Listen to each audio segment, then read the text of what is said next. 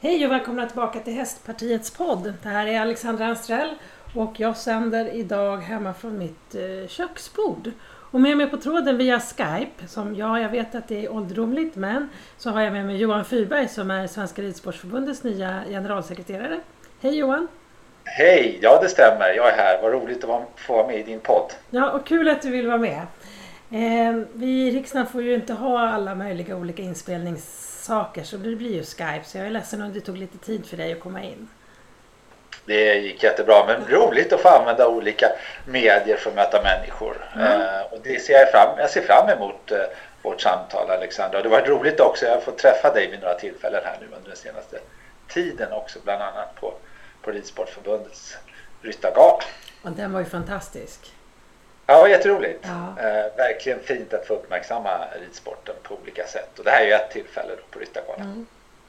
Eh, vad bra att du kom in på den. Då kan jag ändå få ställa en fråga kring den. Alltså jag tyckte det var så fränt. Om man fick ofta gåshud av alla nomineringar och människor var glada och allting hände. Men är det någon av de här priserna som det delas ut som du känner lite extra för? Ja men det är det ju såklart och, och vi är ju en, i grunden en ideell förening. Ridsportförbundet består ju av drygt 800 ridsportföreningar och det är klart att det är alldeles särskilt när en förening eller en ridskola eller klubb sådär lyft, lyfts fram. Eh, och det gjordes ju på olika sätt eh, mm. på galan. Eh, så det var, det var det, det, de typen av priser och det är flera stycken tycker jag naturligtvis är allra roligast. Sen är det klart att elitsporten uppmärksammas, men den får ju ändå sin uppmärksamhet och ska ha det också på en, på en gala. Men mm. just den kombinationen tycker jag är viktig. Mm. Men du, det blev ingen Jerringpris till ridsporten i år?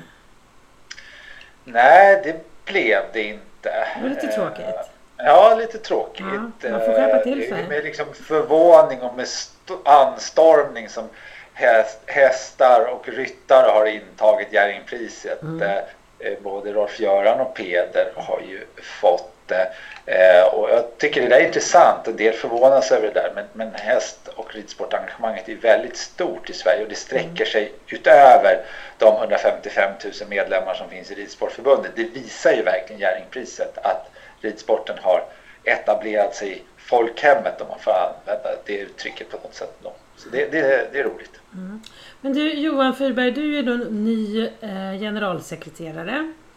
Tänker vi återkomma till generalsekreterardelen, men vem är du Johan?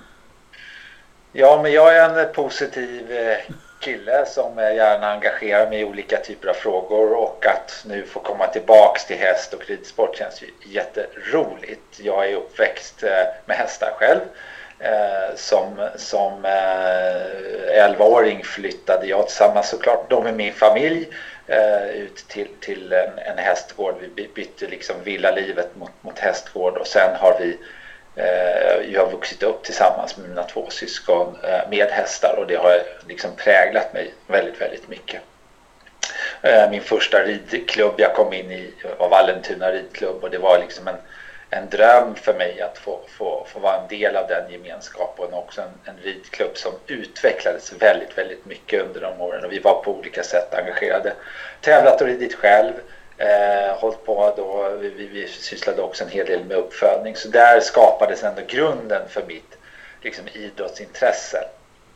Eh, så ska jag säga. Sen, sen Sen, sen, har jag liksom som många andra och som är verkligen aktualiserat idag och jag vet ju hur mycket du driver de typen av frågor Alexandra om, om liksom eh, eh försvar och, och, och, och, eh, liksom stabilitet i samhället i, i stort och, och, jag vet att du är engagerad i de frågorna i riksdagen men jag kommer ju att, att äh, göra lumpen så, som äh, eh, Eh, som många andra. Eh, men jag hamnade också fastnade kvar i Försvarsmakten i nästan tio år. Jobbade i försvaret, delvis lite grann med hästar också där, koppling till Brydne högvakten, men framförallt mycket med annat.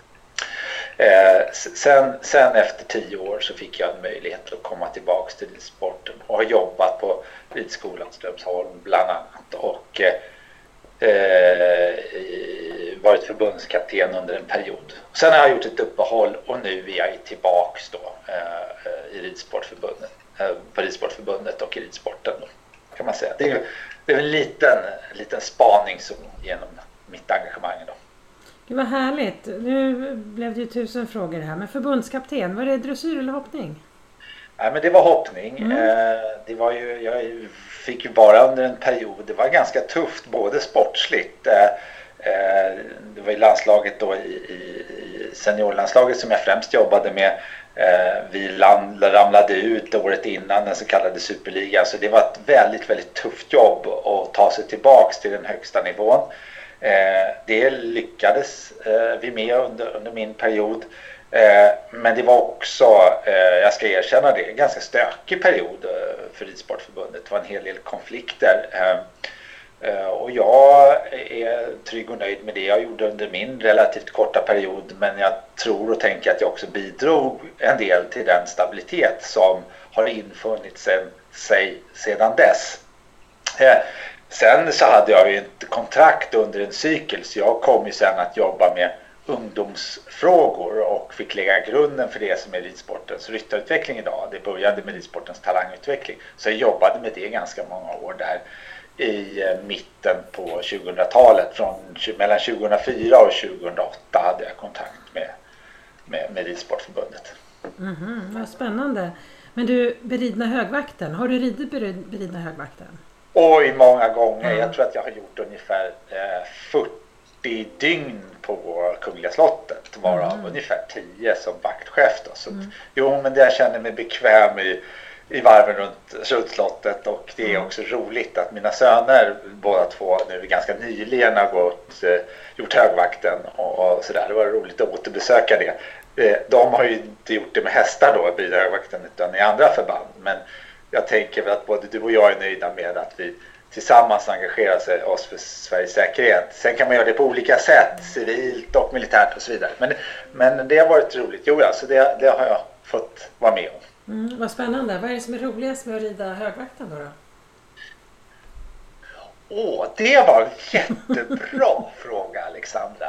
Vad är roligast? Eh, ja, men det som var fascinerande och roligt under mina år då på dåvarande K1, idag Livgardet, var ju att man hade ju liksom en, en värnplikt och det var ju människor som är helt utan hästkunskaper. Det ansluter ju lite grann till din podd här. Helt utan erfarenhet av hästar. Någon enstaka hade det. Jag hade ju det bland annat. Men, men alla var ju helt novisa nybörjare och få vara med om det och, och, och bidra och uppleva det där att, att lära sig att umgås med hästar och rida hjälpligt så att säga som den i grunden handlar om. Men säkert för att kunna ta sig upp till, till Stockholms slott och tillbaka och en del andra eh, eh liksom statsceremoniella inslag. Men, men det som var så fascinerande det är ju att se den stoltheten hos människor, soldater i det här fallet när man har klarat av en sån sak och få uppleva det tillsammans med ett djur faktiskt. Det är, ja, men det är obeskrivligt. Jag tror att de som sen muckar och går ut, alltså muckar, lämnar värnplikten sen och tittar tillbaka så är just det där att få uppleva det, förutom det här militära, att dessutom få, få, få, få ha den här hästupplevelsen, ja, men det är verkligen, verkligen speciellt. Vad fränt. Ja, det låter jättespännande. Men du, Vallentuna ridklubb berättar du också om. Eh, roligt. Men i dagsläget är det ju inte jättevanligt med killar på ridskolan. Varför är det så?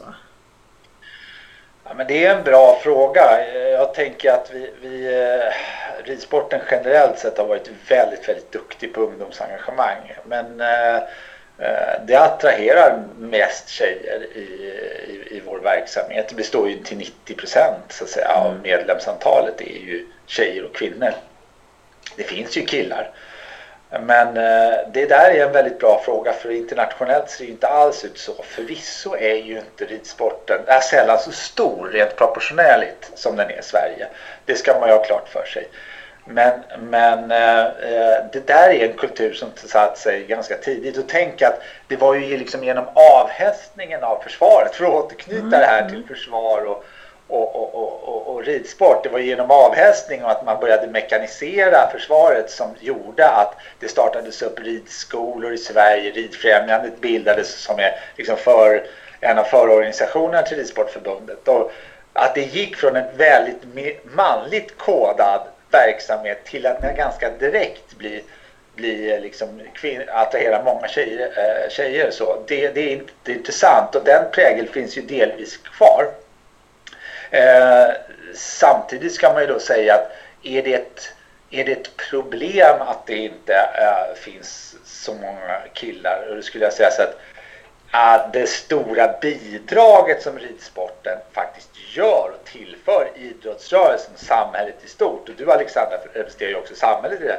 Det är ju verkligen att, att ridsporten är ju väldigt viktig part i sammantaget idrottsrörelsen för, för en ökad jämställdhet. Eh, men det är klart att vi får inte heller blicka för vad vi har för utmaningar. För när vi däremot ser på elitsidan, ja men då är det ju betydligt vanligare med killar. Mm. Och eh, eh, där är ju till och med så på internationell möte att killar är i majoritet och det där tycker jag är spännande. Så där handlar det snarare om att stärka tjejers förutsättningar för idrottande och tävling ytterligare. Och en sån sak har ju varit hur man ska göra under graviditeter och så vidare. För det är ju också för övrigt någonting som är unikt med ridsporten att man kan hålla på så länge och då måste man kunna se på att man kan också vara konkurrenskraftig och att man inte ska missgynnas till exempel om man skaffar barn och så vidare. Och där är ju då tjejer missgynnade i förhållande till killar om man vågar adressera den eftersom tjejer då är borta, frånvarande från till exempel möjlighet att ta ranking under längre period än vad traditionellt sett män är. Och vi vet ju att föräldraförsäkringen så ser ut i olika olika länder men, men givet i Sverige så det är klart att det finns någonting kulturellt om jag skulle vilja ha fler killar på ridskolor och i föreningar i liksom hela verksamheten, absolut ja. Och jag tror att det, det samtalet handlar mycket om ja, men hur man kulturellt pratar om den här sporten. Och det tror jag avgörs mycket vid, runt middagsbordet hemma. Mm. Eh, jag hade inte det i min familj, för för oss var det naturligt att alla red. Men jag vet ju och hade många vänner där, där man pratade liksom att det var flickigt att rida och man rid, rids, eh, alltså ridbyxor och så var, eh, eh, det, var, kvinnligt kodat och det var inte betraktat som en riktig idrott och så vidare.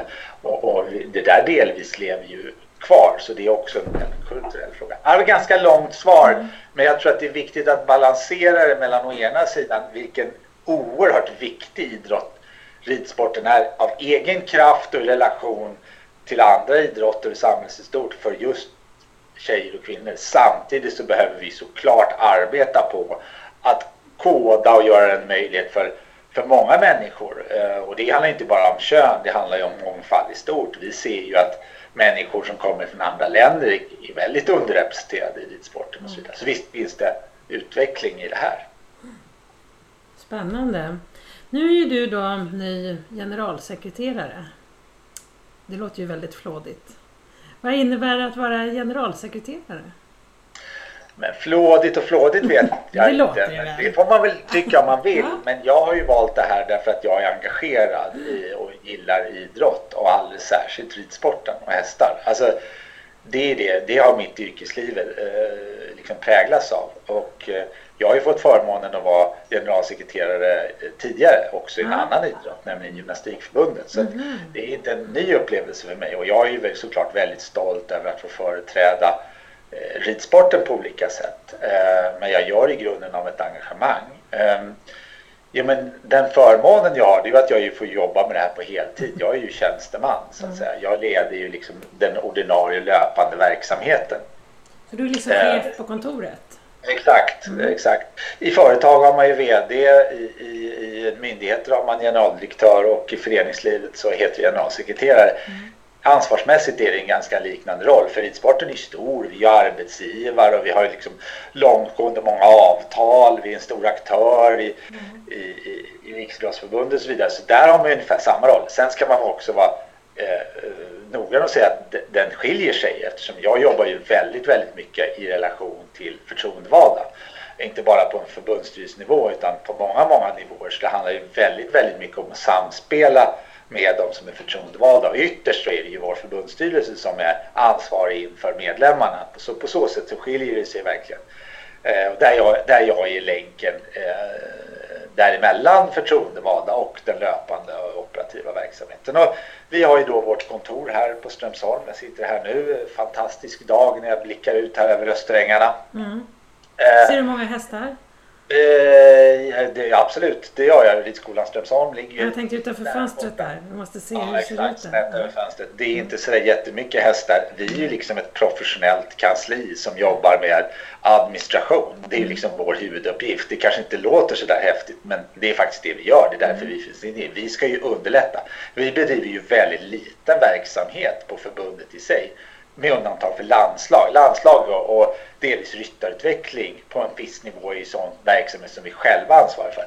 Annars så genomförs ju det absolut merparten av all verksamhet genomförs ju i föreningar och nästa led distrikt. Så att eh, det, det, det är den. Sen är vi en ganska stor eh, liksom, kansli. Vi är 55 anställda som jobbar med en rad olika frågor. Det gör vi.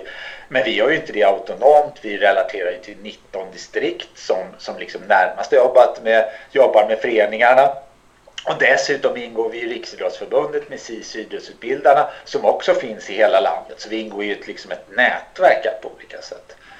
Eh, så, så fungerar det. Men min roll är ju liksom att jobba med det vardagliga. Det, det kan man säga, det löpande och vara ansvarig för det. Hur mycket får man då hitta på själv? Eh, missförstå mig inte mig nu. Nu ska vi se hur jag ska ställa frågan lite bättre. Jag tänker om du har då en ansvarig styrelse och så vidare. Men hur mycket får du själv driva? Jag tänker du kommer in och har säkert nya idéer och nya tankar. Hur liksom... Ja, ja men Eh, Eh, det jag upplever att frihetsgraden är relativt stor. En förbundsstyrelse lägger ju en verksamhetsplan. Alltså det fungerar så att varannat år har vi en förbundsstämma och en förbundsstämma fastställer plan om två, kommande två år och varje år så fattar ju förbundsstyrelsen eh, liksom en årlig plan och inom ramen för den planen så har man ju en stor, stor frihet. Det skulle jag uppleva. Så på så sätt så är, är jag inte detaljstyrd. Eh, Sen så är det också, eh, Alexandra, lite kanske personlighetsdrivet. Jag gillar att jobba med förändring och utveckling så jag söker ju gärna det mandatet. Mm. Jag ber ju ofta min styrelse om, om lov om man säger det. Det här tror jag är en väldigt klok och bra idé att göra. Eh, vad tror ni om det? Och är man, eh, har man liksom eh, duktiga människor runt omkring sig och skaffar sig en erfarenhet då får man ju också igenom dem. Det kan innebära mycket jobb men det innebär också att man får göra eh, förflyttningar och bidra till utveckling och så. Mm. Och eh, det har ju också blivit aktuellt även bara ett par, på ett par veckor i det här jobbet. Vi, bara under, under, under ett par veckor. Dels har jag varit på en internationell kongress där ganska komplicerade frågor med hur vi ska förhålla oss till Ryssland och där vi ingår liksom ett omvärldssammanhang med ett krig i Europa där inte ens liksom ideella organisationer och idrotten är helt utanför. Så där har jag ju liksom direkt fått just pröva det. Vad är min roll visavi styrelsen och vad ska jag hjälpa dem med? Och där har jag tagit initiativ. Och det andra är ju att vi här i närtid har varit ganska uppmärksammade kring, kring granskning om, om hästvälfärd. Det tog ju sin fart i, i Danmark men, men det har ju också funnits spår av det här i i Sverige. Så, så, och det är klart att där hanterar jag ju väldigt mycket om de inkommande vardagliga kontakterna med media och sådana saker. Men det handlar ju också om att komma tillbaks till förbundsstyrelsen. I det, givet det här läget så tror jag att det är viktigt att vi gör det här, tar det här initiativet. Så såklart finns det en frihet. Skillnaden kanske är lite grann att man behöver förankra. Eh, det är kanske om man skulle likställa det med, med en vd-roll som kanske träffas i en styrelse fyra gånger per år. Så det är klart att jag har samma möjlighet eh, men jag tror att det är viktigt eftersom vi, har, vi är en ideell organisation som, som inrymmer förtroendevalda att man förankrar sina idéer och liksom, eh, i, i de förtroendeleden. Det, det, det är ett extra steg men det är ett viktigt steg att ta ur rent eh, demokratiskt perspektiv. Om mm, mm. Låt, låter lite högtravande om jag får använda ett, ett hästord men så är det. Nu, nu kommer vi in på det här som är då så väldigt aktuellt. Alltså, du sa att du gillar det här med förändring och utveckling och, och nu känns det som att det är en ganska stor eh, opinion om en önskan om en förändring, om en förbättrad hästvälfärd. Och liksom, eh, hur står ni i det här och vad tänker sig Svenska Ridsportförbundet att man kan göra i den här frågan nu framöver? Ja, men det är verkligen klassiskt två sidor på det där myntet. Å ena sidan är ju Svenska Ridsportförbundet världsledande när det gäller hästvälfärd. Och jag säger det med självförtroende.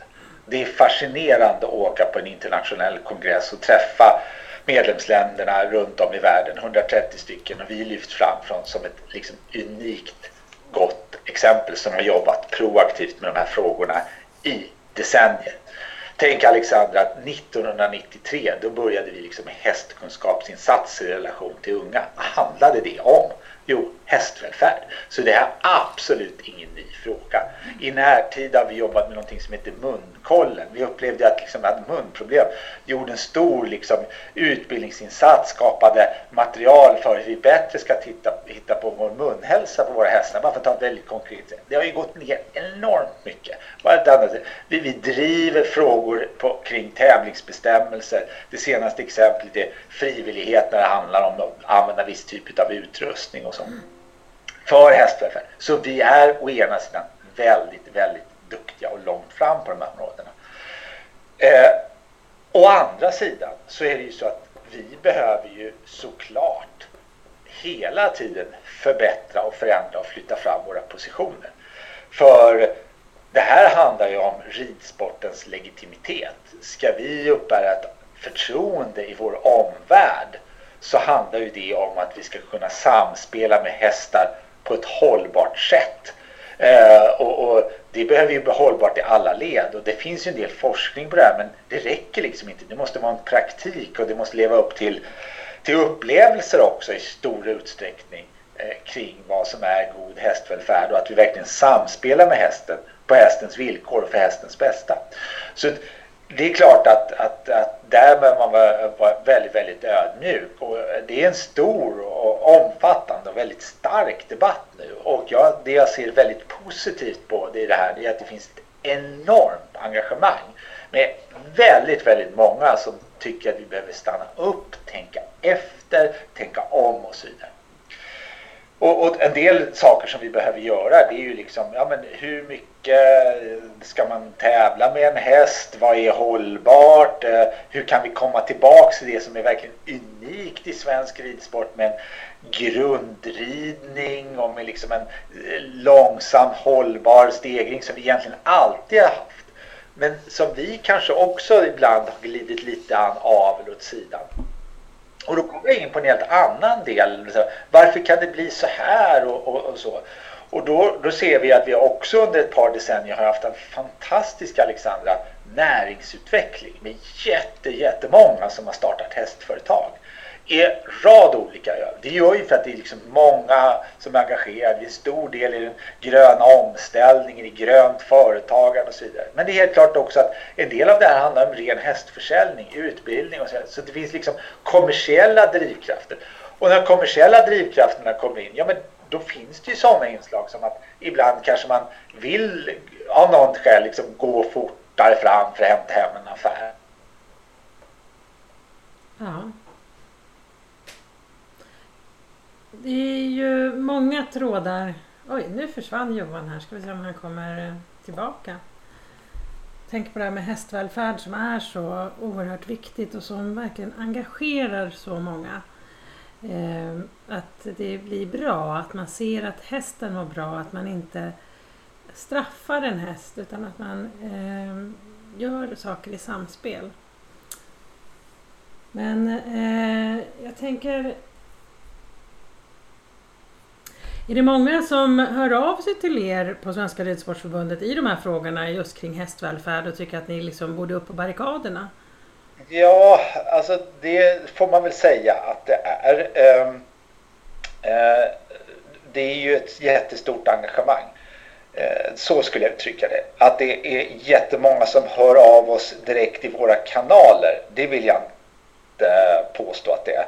Eh, vi har liksom eh, däremot ett stort engagemang med många som uttrycker sig eh, på sociala medier, mm. i olika plattformar, hör av sig till, liksom, till sina vänner, lyfter det vid olika forum. Vi hade ju nu bland annat då, i anslutning till de stora hästtävlingarna här på Friends Sweden International Horse Show hade vi ett stort hästvälfärdsseminarium. Det fylldes liksom snabbt. Vi hade väldigt många eh, digitalt medverkande där. Så på så sätt så, så eh, är det vittnar om ett väldigt stort engagemang. Det, det, det, det, skulle jag säga och många är angelägna om att, att vi liksom jobbar tillsammans aktivt med de här frågorna och det är i grunden någonting väldigt, väldigt positivt. Så skulle jag nog säga.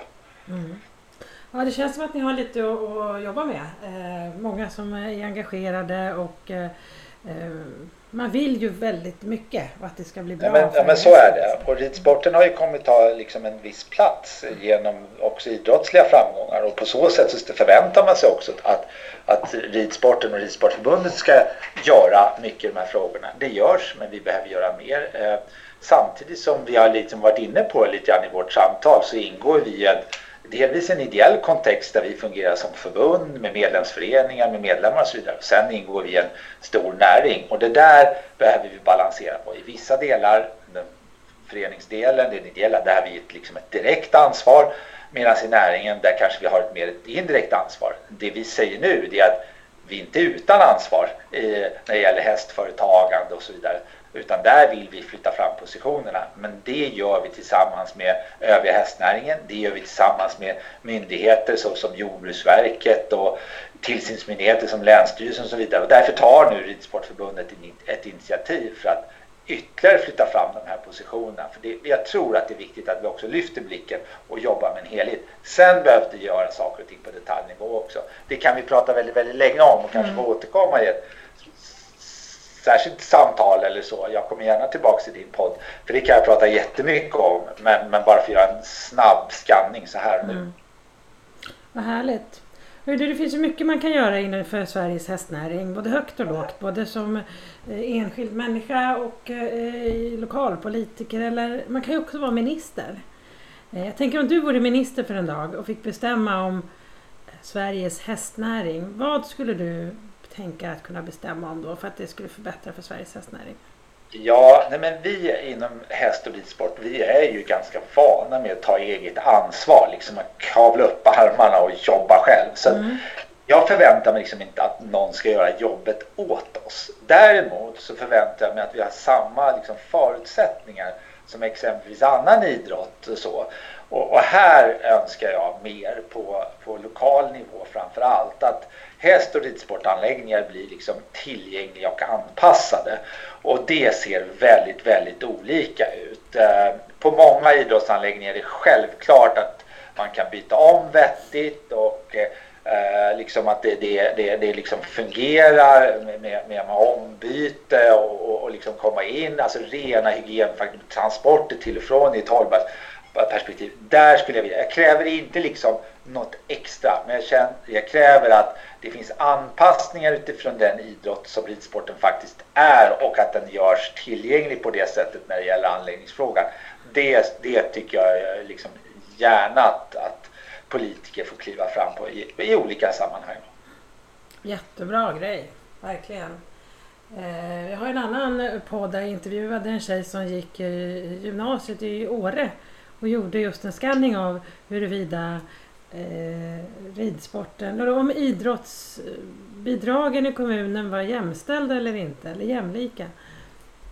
Det var de ju naturligtvis inte. Och, men det var ganska stor skillnad. Men framförallt så var det ganska tråkiga svar för de lokala politikerna som eh, tyckte att för att man skulle få lika så borde ridsporten göra någonting extra. Mm. Nej, men alltså så här, vi vet ju att ridsport generellt sett är en, en uh, idrott som behöver jobba på sin tillgänglighet. Det måste ju vi ta ansvar för. Men det är ganska dyrt att rida för de allra flesta. Men vi vill ju försöka hålla det på en så rimlig nivå kan vi, ha, uh, vi kan. Sen innebär ju att hästen per se behöver ju omvårdnad och foder och så vidare. Det, det är svårt att komma ifrån. Mm. Men Däremot att också ta ansvar för själva anläggningsfrågan, det, det, den, är, den är tuff och den slår hårt mot, mot tillgängligheten. Och vi vill ju såklart sammantaget göra sporten så tillgänglig som möjligt. För vi upplever ju också att människor utvecklas väldigt fint i samspelet med hästen, tillsammans i föreningar och så vidare. Så det, vi, vi menar ju också att det har väldigt goda värden med sig och vi har varit inne på det också att, att det finns ett viktigt eh, bidrag i ridsporten också ur ett jämställdhetsperspektiv. Man ser till den hela bilden. Gud vad spännande! Hur du Johan, nu önskar jag dig all lycka på din eh, nya post som generalsekreterare och jag tror att det blir ett spännande år. Och eh, framförallt så tror jag att vi har all anledning att eh, komma tillbaka i podden och se lite här, eh, kanske i slutet av året, se hur det går eh, och vad har hänt och Tack, tal, tack Alexandra. Det känns extra bra när du säger önskar mig lycka. För jag tänker att vi samspelar ju väldigt mycket och du finns ju verkligen i riksdagen som är en av de eh, liksom, sammanhang som är viktigt för oss att finnas i. Att vi finns nära förtroendevalda också i politiken. Så det känns jättefint att, att få lära känna dig och jag är gärna med igen. Härligt! Och till er som lyssnar så hoppas jag att vi kommer tillbaka med ett nytt spännande avsnitt av Hästpartiets podd här framöver. Ha det gott, hej!